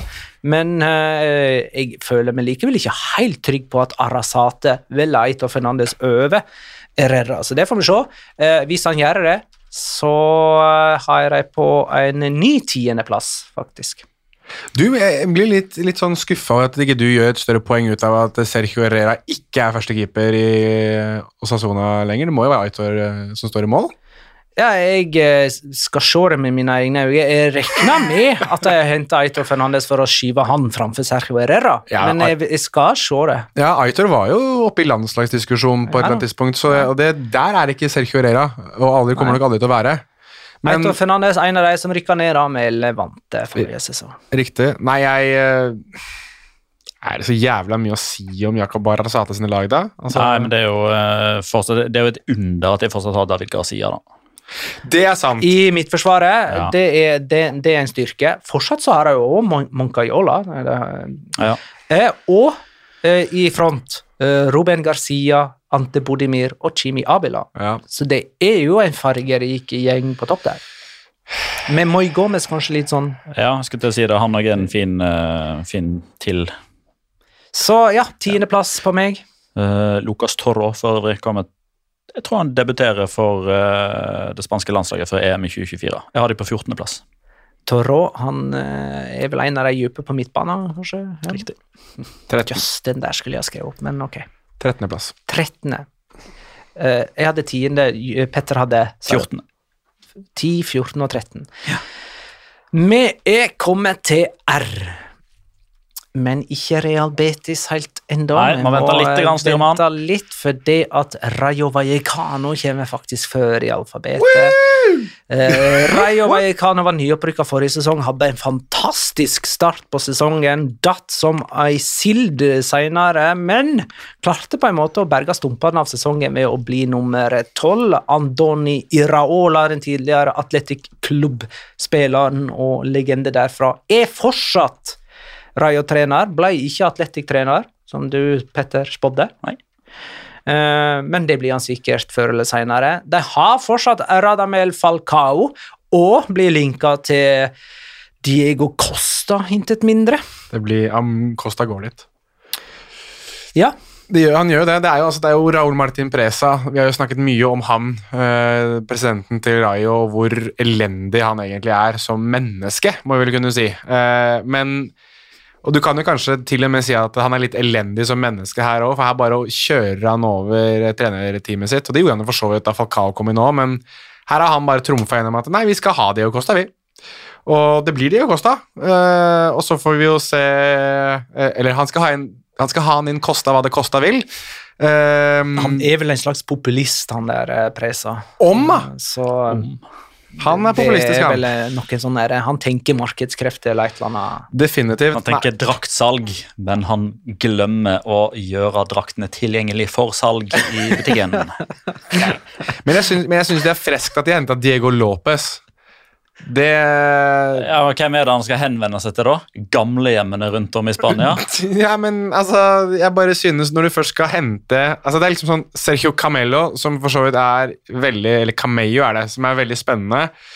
Som det er låna fra Atletico Madrid. Ja, Som er en ung, spennende angriper som var utrolig god i Mirandes. Og så har de henta gamle Fadeo Lopez. Det er, liksom, det, er ikke, det er ikke noen sånn rød tråd i nå skal, vi, nå skal vi bli unge og gode, eller nå skal vi hente veteraner. Det er liksom De henter bare det de tydeligvis kan hente. Uh, men jeg syns det er kult at de har henta Florian Legend uh, for å bolstre det, det forsvaret sitt. Det syns jeg er en god signering. Men jeg vet ikke om han er den som klarer å polstre det sammen. Altså, Rykka ned med Viadial, holdt på å rykke ned med Eibar, rykka ned med Alaves. Jeg syns han er litt undervurdert, jeg. Jeg gjør faktisk det. Ja. Jeg, sier, jeg, sier ikke at, jeg sier ikke at det er han ene og alene, men jeg bare sier at det er en signering i riktig vei, da, Ja. for, å, for å prøve å Uh, jeg synes, altså, Spesielt på dødballer så lakk det jo som bare rakkerne. for altså, Vi satt jo og så via Real. Hvor mange dødballer var det de Ja, ja, skåra? Fem, eller noe sånt? nå? Hvor hen har du dem på tabellen, da, Jonas? Jeg tror de overlever akkurat. Ehm, jeg spår en litt lik sesong jeg, som det de hadde nå, så jeg sier det er enten 15. eller 17., og jeg går for 17. plass. Jeg har det på 16. Jeg må bare si at jeg er veldig svak for de to sidene. Altså Baljo, eh, Isi på høyre og Los Garcias, Fran og Alvaro på venstre. Eh, jeg har dem på 13. Oi, det syns jeg er høyt. Ja, det blir spennende å se. BB er det ennå. Viktig å ta med. Ja. Men eh, nå er det vel Real Betis, eller? Blir det riktig nå, Petter? Petter? Hva som er riktig? Real Betis er neste klubb. Ja. Jeg, jeg vet ikke, men vi spiller inn en podkast her. Eh, bare sånn til informasjon. Ja. Er du med? Jeg er med. Ja, du er med. Bra. Real Betis nå, sant? Ja. Petters uh, sitter på te telefonen og leser seg opp, Uh, gjør research. Ja, vi, noen kom forberedt, noen gjorde ikke det. Real Betis de ble nummer fem forrige sesong. Har jo mista Beirin, eh, men kanskje han kommer tilbake, eller? Det er nok en eh, relativt høy prosentmulighet for det, ja. Ja, uh, Christian Teio gjør ikke det.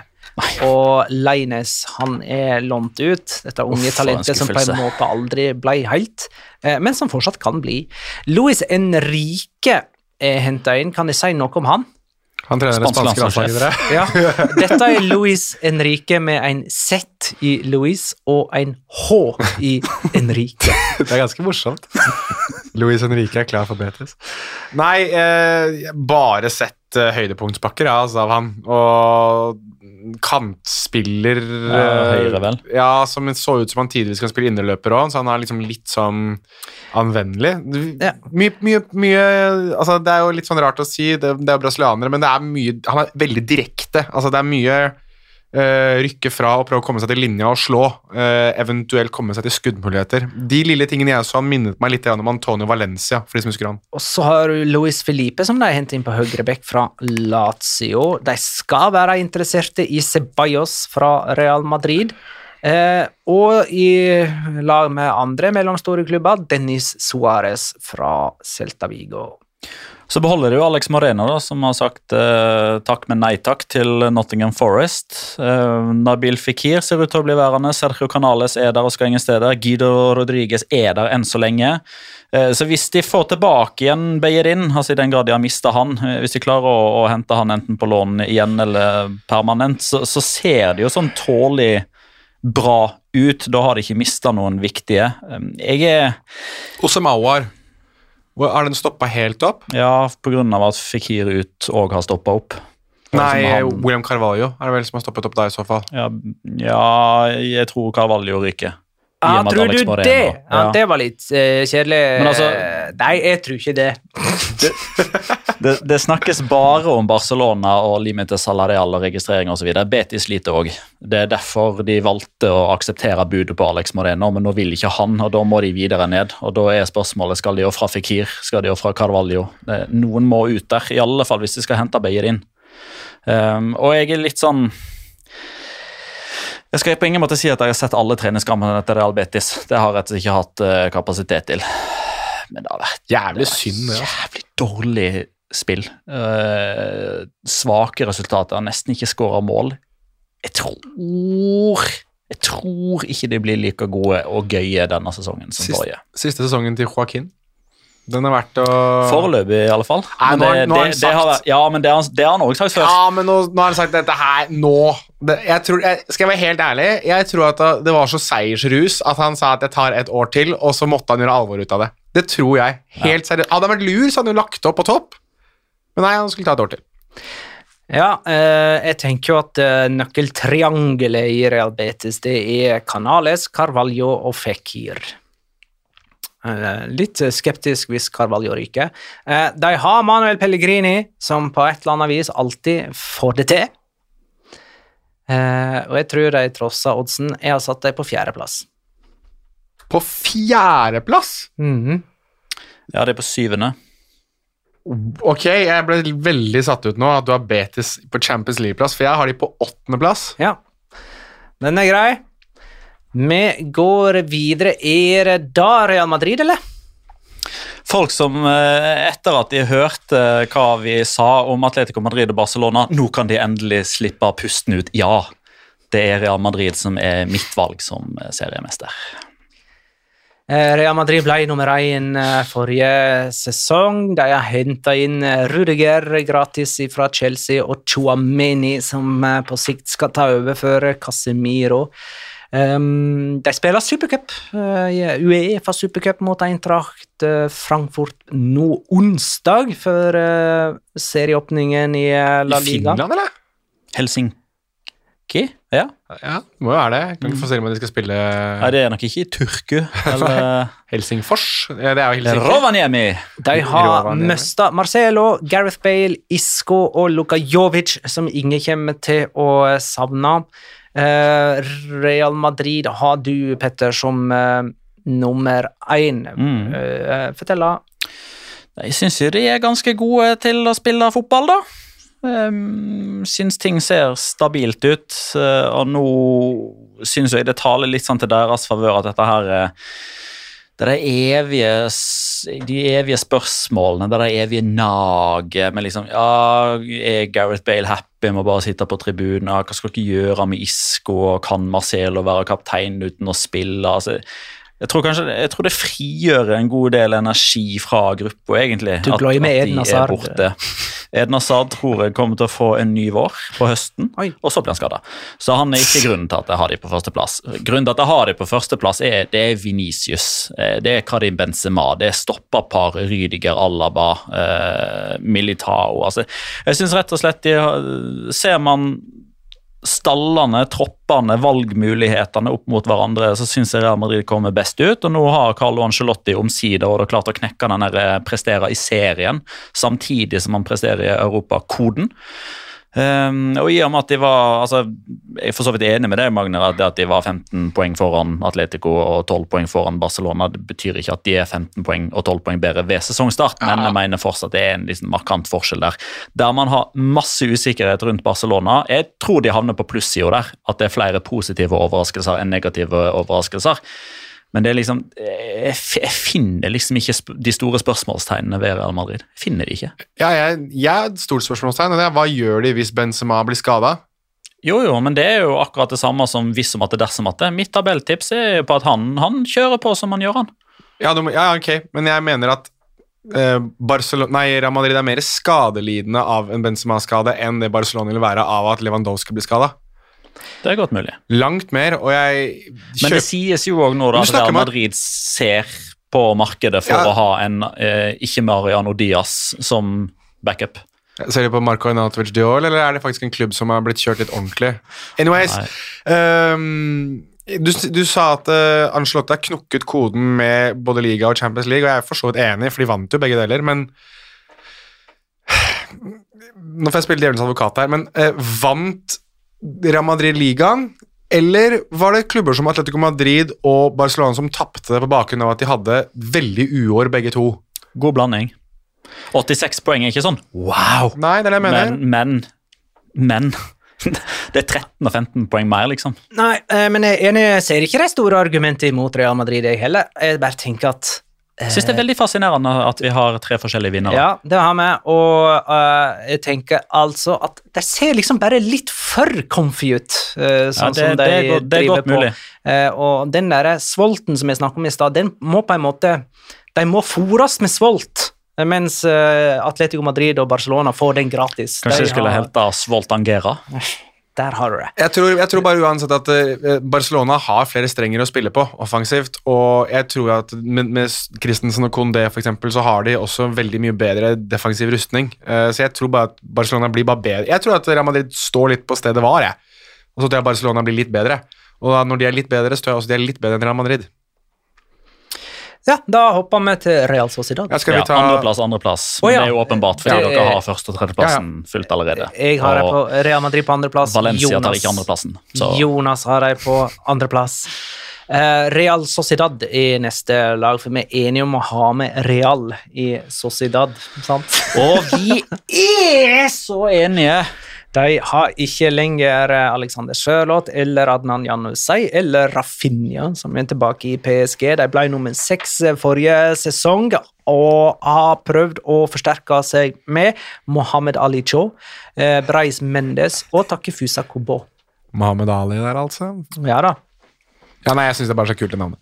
Eh, og så ser jeg jo at de skal være interessert i Brian Hill, som for så vidt har en profil som passer rett inn i det, det laget, men det bør kanskje bli noe sånn Jeg tenker det holder med Coop og sånn Ja. der eh, skal vi klare å klaske liv i spilleren-variant. Men eh, er det et eh, lag som eh, rykker litt opp fra sjetteplassen, Petter? Skal jeg bare ta det med en gang, da? Ja, Det er min fjerdeplass, dette. nemlig. Det er min fjerdeplass. Ehm, det baserer seg jo på at eh, Mm, baserer seg på 1-0, 1-0, 1-0, 1-0, 1-0, 1-0, 1-0, 1-0. Møkk! Ja, men hvis for men- eksempel eh, Lønnormann skulle gå til Atletico, da, så, så, så ja, da blir dette min reviderte. Ja, da blir 0-0, dette- 0-0. Dette blir mitt wildcard. Da blir det 1-1, 1-1, 1-1. Uh, Lenormand, uh, sesongens gjennombrudd forrige sesong. Eh, Alle Ja kritikere ble eh, plassert langt opp etter veggen der, og jeg er en av de. Uh, Alex Remiro ser uh, kjempesolid ut. Uh, og så er det liksom det som alltid når vi skal snakke om Real Sociedad, så er det sånn Ja, men de har jo ikke så veldig godt forsvar. Nei, men det er nøyaktig den samme Altså, de har mista Saldoa, who cares? Alex Sola gjør en vel så god jobb. Går Goro Sabel spiller uansett eh, mesteparten der. Men de har eh, et veldig veldig solid forsvar, et veldig solid grunnspill. Langt under expected goals eh, forrige sesong. De underpresterte noe voldsomt ut ifra hvordan de spilte. David Silva blir avlasta av Breis Mendes og Kobo denne sesongen ved å være eh, kreatører. Eh, Carlos Fernandes er per definisjon en ny signering, for han eh, røyk kneet før han kom ordentlig i gang. Mikkel Oyarzabal kommer snart tilbake igjen. Jeg håper at de er forsiktige med han, og at han ikke reiser til VM. Da kommer han til å være en helt spinnvill spiller i kalenderåret 2023. Spiller VM. Jeg håper han er ute såpass lenge at han ikke Ja, jeg er enig, det. men han gjør nok det. Uh, altså, jeg er svært svak for den sentrale midtbaneduoen Mikkel Merino og Martin Sobimendi. Så i, i mitt hode så har de forsterka seg eh, og tatt lærdom fra forrige sesong, og blir mitt lille sånne vågale tips da når jeg har de på fjerdeplass. Jeg liker det. Oyer, send penger. Josu, vips. Jeg har Real Sociedad på femte, altså én plass opp fra før, i kamp med Real Betis om fjerdeplassen til siste slutt. Jeg er det på sjetteplass. All right.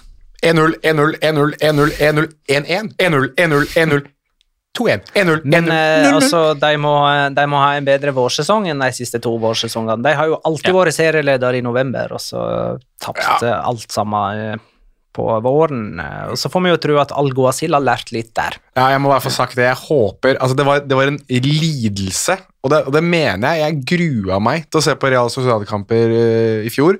Var noe av det Altså, jeg visste at her kommer Det kommer til å være én scoring, kanskje to, men jeg kommer til å kaste bort 90 minutter av livet mitt, eller to timer, da, ettersom det er type ekstra Nei, eh, pause og tilleggstid. Vær så snill, gi meg noe mer. Men du, på spørsmålet ifra Henrik om hvem som blir eh, toppskårer i årets sesong, har vi ennå ikke kommet til han?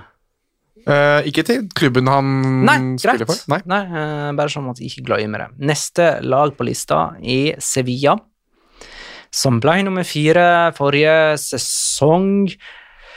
Ehm, de tok eh, 41 poeng i første halvdel av sesongen og 29 poeng i andre.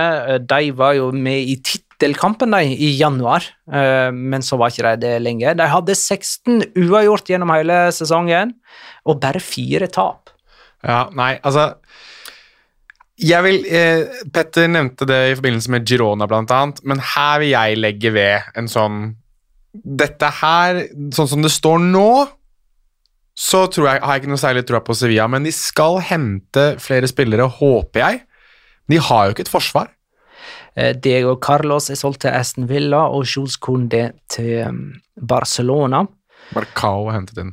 Marcao er henta inn som den første av erstatterne, kan du si. Det Filo-. Filokerer ser vel ut til å bli Filokerer som skal Og det, altså det, jeg kjøper ikke det. Jeg beklager, altså, men jeg, jeg, jeg Nei, jeg er litt skeptisk der. Eh, kan jo ta denne tabellen til han Baskien, han eller hun, Baskien. eh, Vedkommende har satt Sevilla helt ned på sjuendeplass. Jeg skjønner det. Eh, og Roar Høiby Brakstad skriver jeg vil ha noen andre enn Sevilla på fjerdeplass. Kan vi gjøre det litt spicy i år? Uh, og det ser jo uh, sånn ut, ja. Ja, jeg er litt sånn småskeptisk. I likhet med dere så setter jeg spørsmål ved hvem som kommer inn på stopperposisjonen. Eh, Vil allikevel bare ha en liten sånn der eh, Asterix eh, med at folk var veldig sånn ah, Real Madrid mista både Varan og Ramos. Det kan være litt sånn altså Både Diego Carlos og Condé ut kan være håper si, bedre enn bare én av dem, da, hvis dere skjønner hvor jeg vil hen. Ja, det var begynne- spesielt du som hadde det argumentet, som viste seg å være veldig bra. Men da må de jo snart begynne å hente noen, da. Så Det må de. det er jo liksom litt de... Altså, I Real Madrid hadde man i hvert fall klare erstattere. Det har man jo ikke her. Men jeg får òg litt inntrykk av at Sevilla og Lopetegi er litt trøtte av hverandre, at de sliter hverandre ut. Ja, jeg har nøkkelordet slitasje her.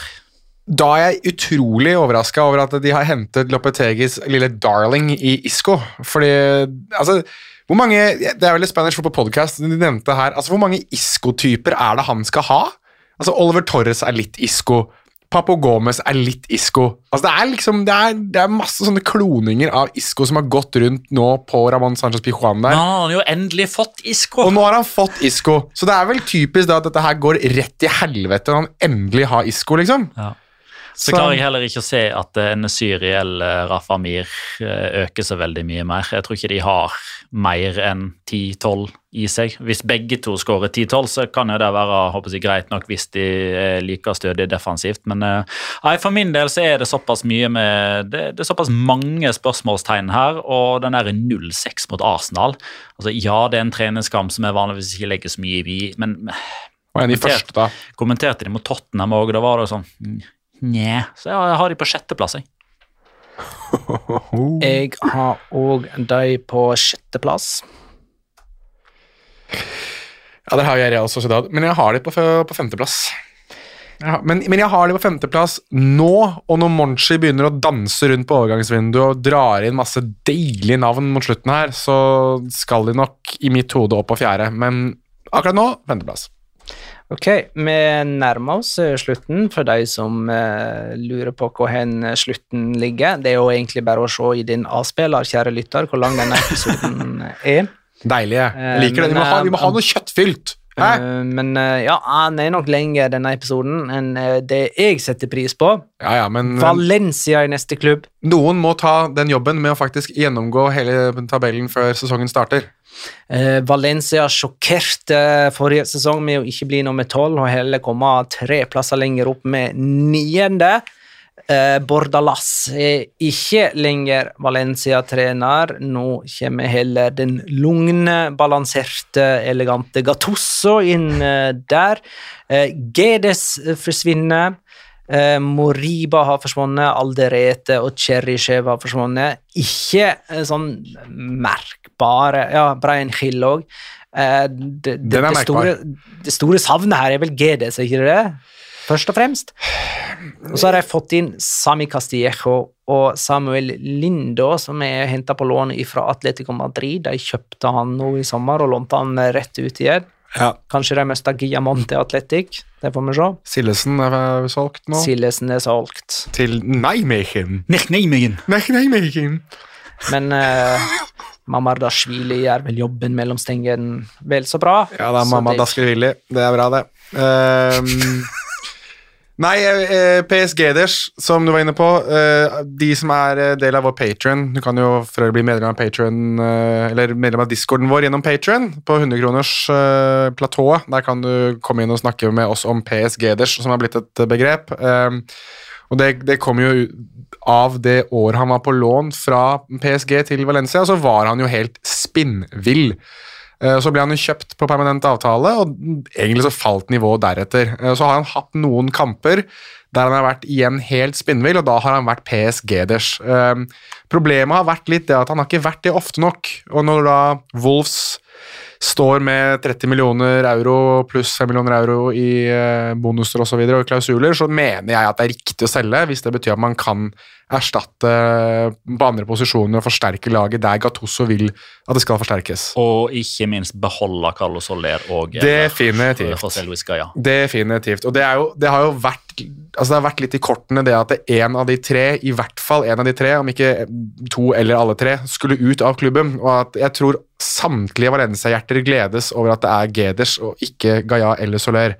Så Men kan Gattusso rive litt i øret på disse eierne, noe vi kanskje, eller iallfall jeg, kanskje trodde Bordalas faktisk evna, men uh, måtte bare kaste inn håndkleet og gi seg? Nei, fordi han er i veldig seng med Jorge Mendes.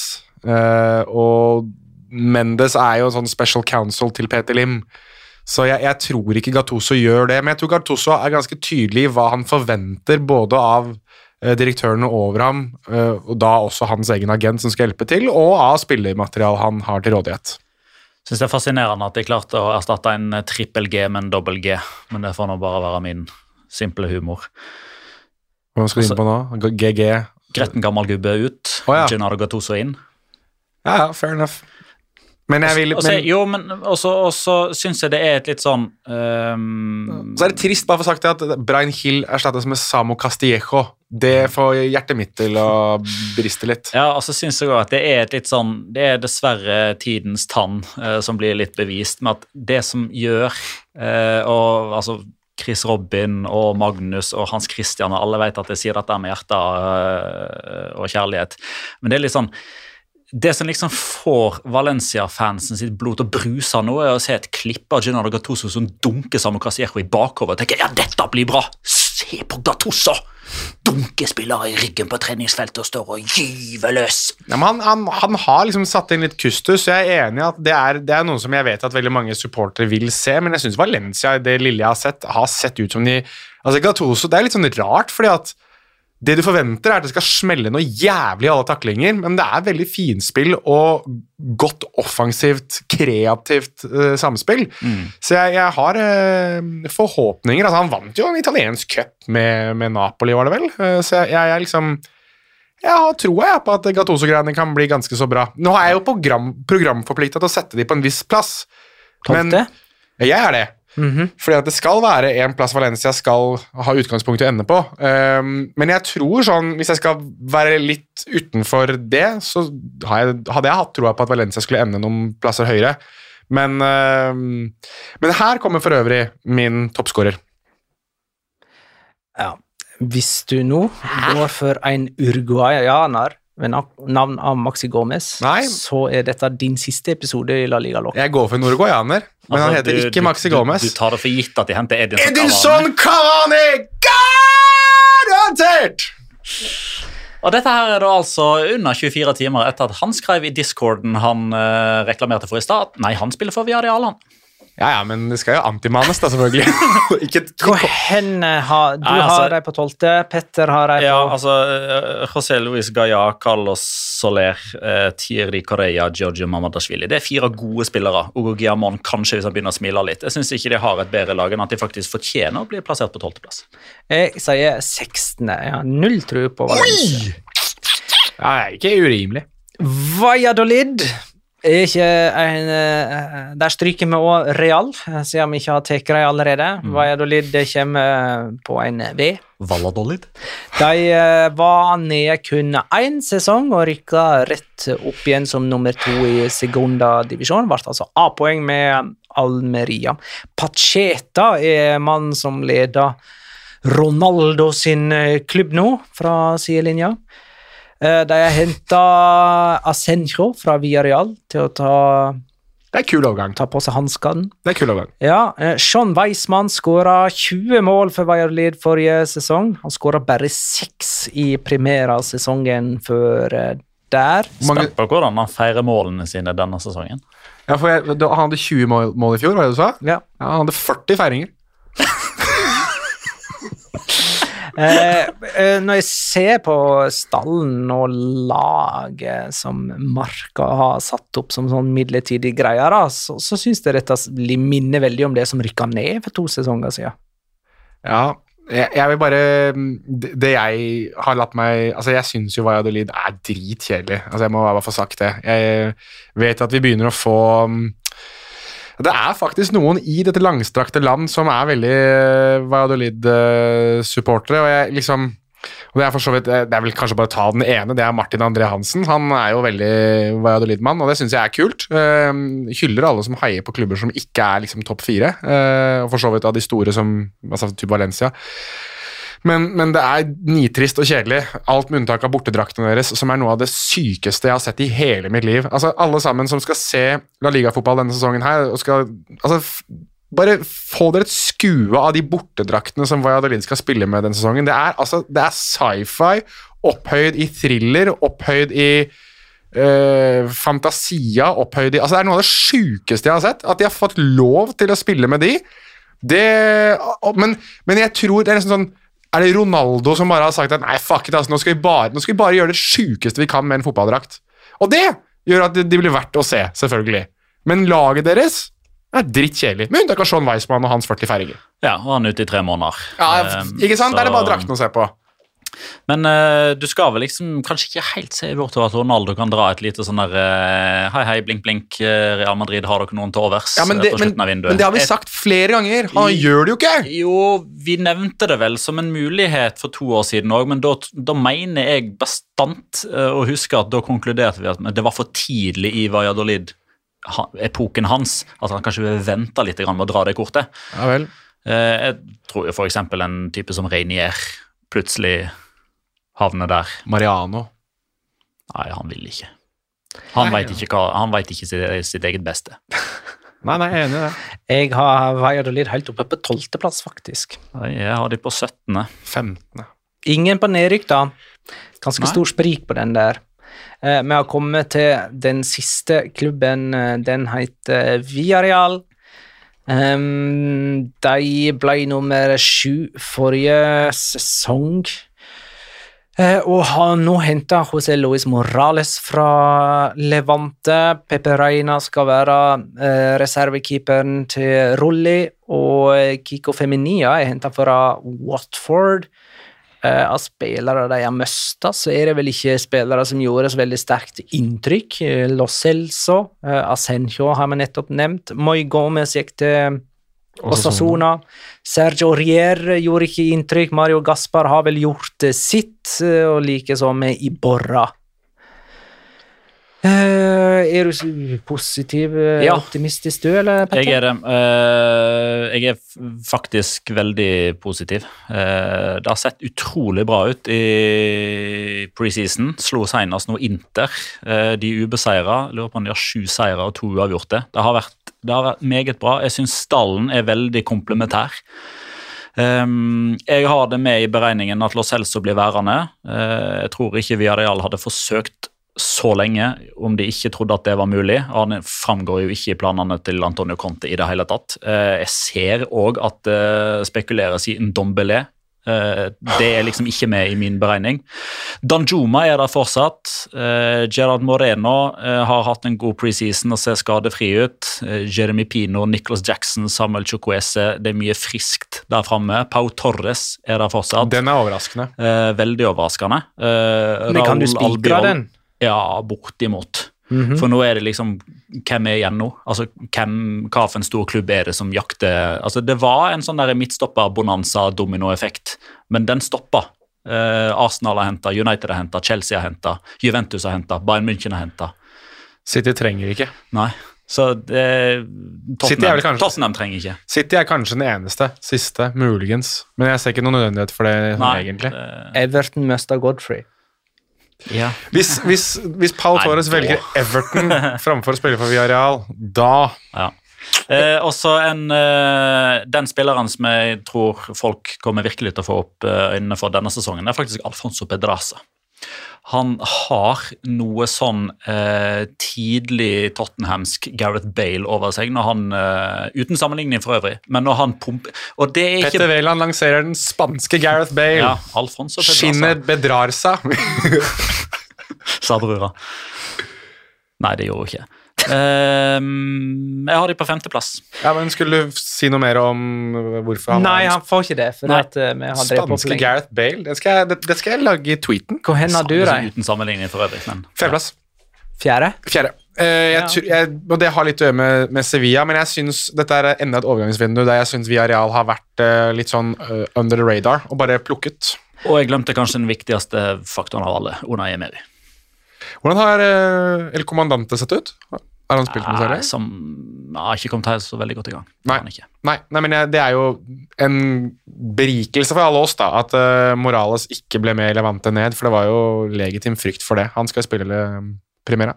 Jeg tror selvfølgelig ikke at de lever opp til hypen, og har dem på åttendeplass. Ja, ja, det er en overraska at han har dem på øvre halvdel, for da er de vel ikke å anse som en nedrykkskandidat? Nei, Eller er det sånn at uh, vi har Big Six og resten kan rykke ned her? Big Six, ja. Det er ikke så langt unna det nå, skjønner du. Nei, men vi har et uh, tabelltips da. Mhm. Eh, men du har ikke tenkt å lese opp eh, Skal du det? Skal vi ikke det? Du jo, ok, ok, du får ta, du får ta snittabellen, da. Ja, snittabellen Ja, er greit. 1 Real Madrid, 2 Barcelona, 3 Atletico Madrid. Fire Real Sociedad. Fem Villarreal. Seks Sevilla. Sju Real Betis. Åtte Atletic Club. Ni Español. Ti Retafe. Elleve Celta Vigo. Tolv Osasona. 13 Valencia. 14 Valladolid. 15 Elche. 16 Rayo Vallecano. 17 Mallorca. 18 Almeria. 19 Girona. Og den eneste klubben eh, alle var enige om Cádiz på 20.-plass. Jeg syns det, det er greit. Det, det representerer, uh, representerer La Liga Locas tabelltips. Jeg kan f si meg halvveis enig i det, selv om Barcelona vinner. Så har jeg sagt det. All right, ja, men Da er vi tilbake med en ordinær episode neste mandag etter første serie. Tenk det! Da skal vi gå gjennom alle kampene! Woo! Steg for steg. Tusen takk for at du lytta, kjære lytter. Ha det, da.